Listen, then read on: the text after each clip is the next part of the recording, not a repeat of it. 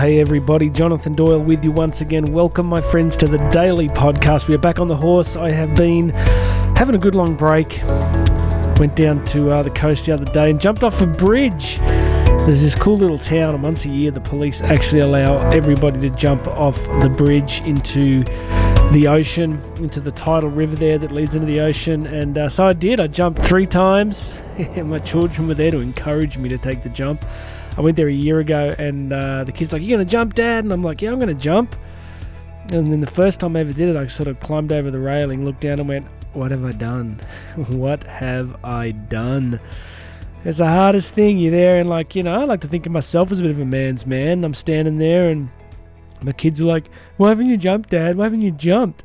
So anyway, I did it had a few days off, and uh, and that leads into today's podcast because me being down there led into the topic of today's podcast. But just before we do that, please make sure you have subscribed. Hit that big subscribe button. There's a whole bunch of other links, and there'll be a link to. Um, to book me for a free 30 minute Zoom call. I'm back coaching, working with business people, uh, really anybody that's looking to take their life forward. Uh, if you need some motivation, encouragement, some strategy around uh, whatever particular area of life you're in, if you want to move your business forward, some personal things forward, then grab that free 30 minute call. No obligation. We jump on that call together. We talk about uh, where you're feeling stuck, and then uh, I can give you some options going forward. So go grab that link and let's talk.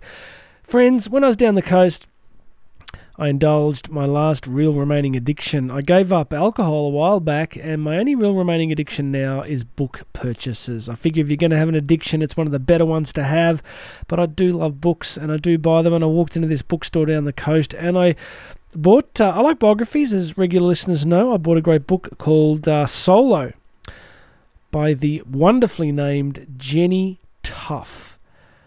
I figure if you're going to run around the world sort of stuff, you need a cool name. And Jenny Tough, because she is, she's uh, interesting. She she just sort of loves running. Got into running and then decided that it would be cool to run over, across, through the biggest mountain ranges in the world.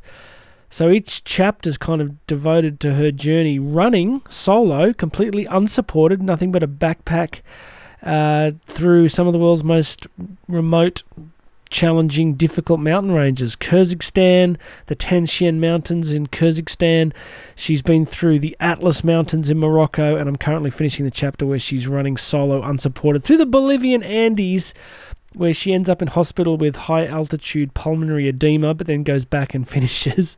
But anyway, it's a great book, and I love some of the lessons in it. But a quote jumped out at me because often on in her expeditions, she was stuck with really complex decision making. Should I do this? Should I do that? What about this? What about that? Often, you know, decisions that could have been very serious for her. And here's this incredible quote, which I absolutely loved. She said, "Once you've made a choice." Even if it's potentially the wrong one, a weight is lifted. Your mind is cleared to focus on other things than constantly stressing about what you should do. One more time. She says, once you've made a choice, even if it's potentially the wrong one, a weight is lifted. Your mind is cleared to focus on other things than constantly stressing about what you should do. I loved this quote. It's like she had read my mind you know, we don't get to see the future perfectly, of course. So, so much of the time we can all suffer from paralysis by analysis. We get stuck, just totally stuck on whether the thing we're thinking of doing is the right thing, the wrong thing, and you got to live your way forward, right? You got to live your way into life. I'm somebody that struggled with decision making at different points in life. I just my brain. I'm I'm very analytical. I'm very heady person, so I get to, I just think about all the possible risks and permutations. But her quote was reminded me very much of jumping off that bridge. Sooner or later, you got to commit. Sooner or later, you got to commit because. As regular listeners know, I had a really bad accident in 2019. I got a ton of titanium in both sides of my body. So the first time I ever jumped, um, my brain was going, "What if, what if you hit the water hard and you damage your arms?" And your brain's going, "Yeah, yeah, listen to that, listen to that," and uh, you know you have to take the leap. So I want to say to you today, take action, make decisions. And in the video version of this, there'll be a video version here too on YouTube and Rumble.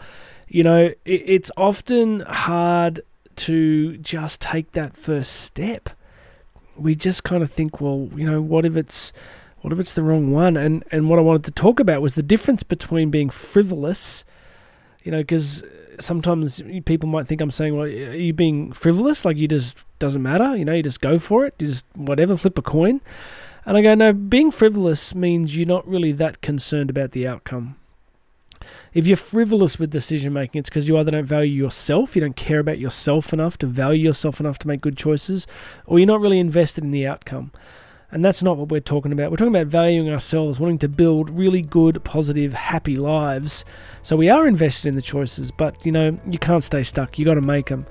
And I've been doing this lately. I've been making decisions, taking choices, and it's quite liberating. You suddenly kind of feel like you're back behind the wheel again.